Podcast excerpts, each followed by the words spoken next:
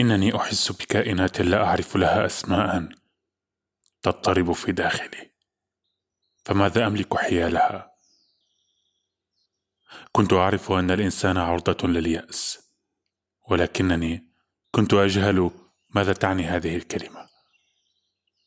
كنت أعتقد كغيري أن هذا مرض يصيب النفس ولكن لا إن جسدي هو الذي يتألم. جلدي يؤلمني وصدري وأطرافي رأسي أجوف وإني لا أشعر بالغثيان وأشد ما يضايقني هو هذا المذاق في فمي.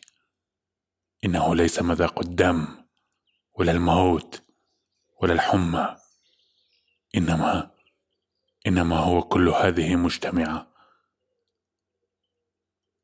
لكم هو قاس ومرير. أن يصبح المرء رجلا.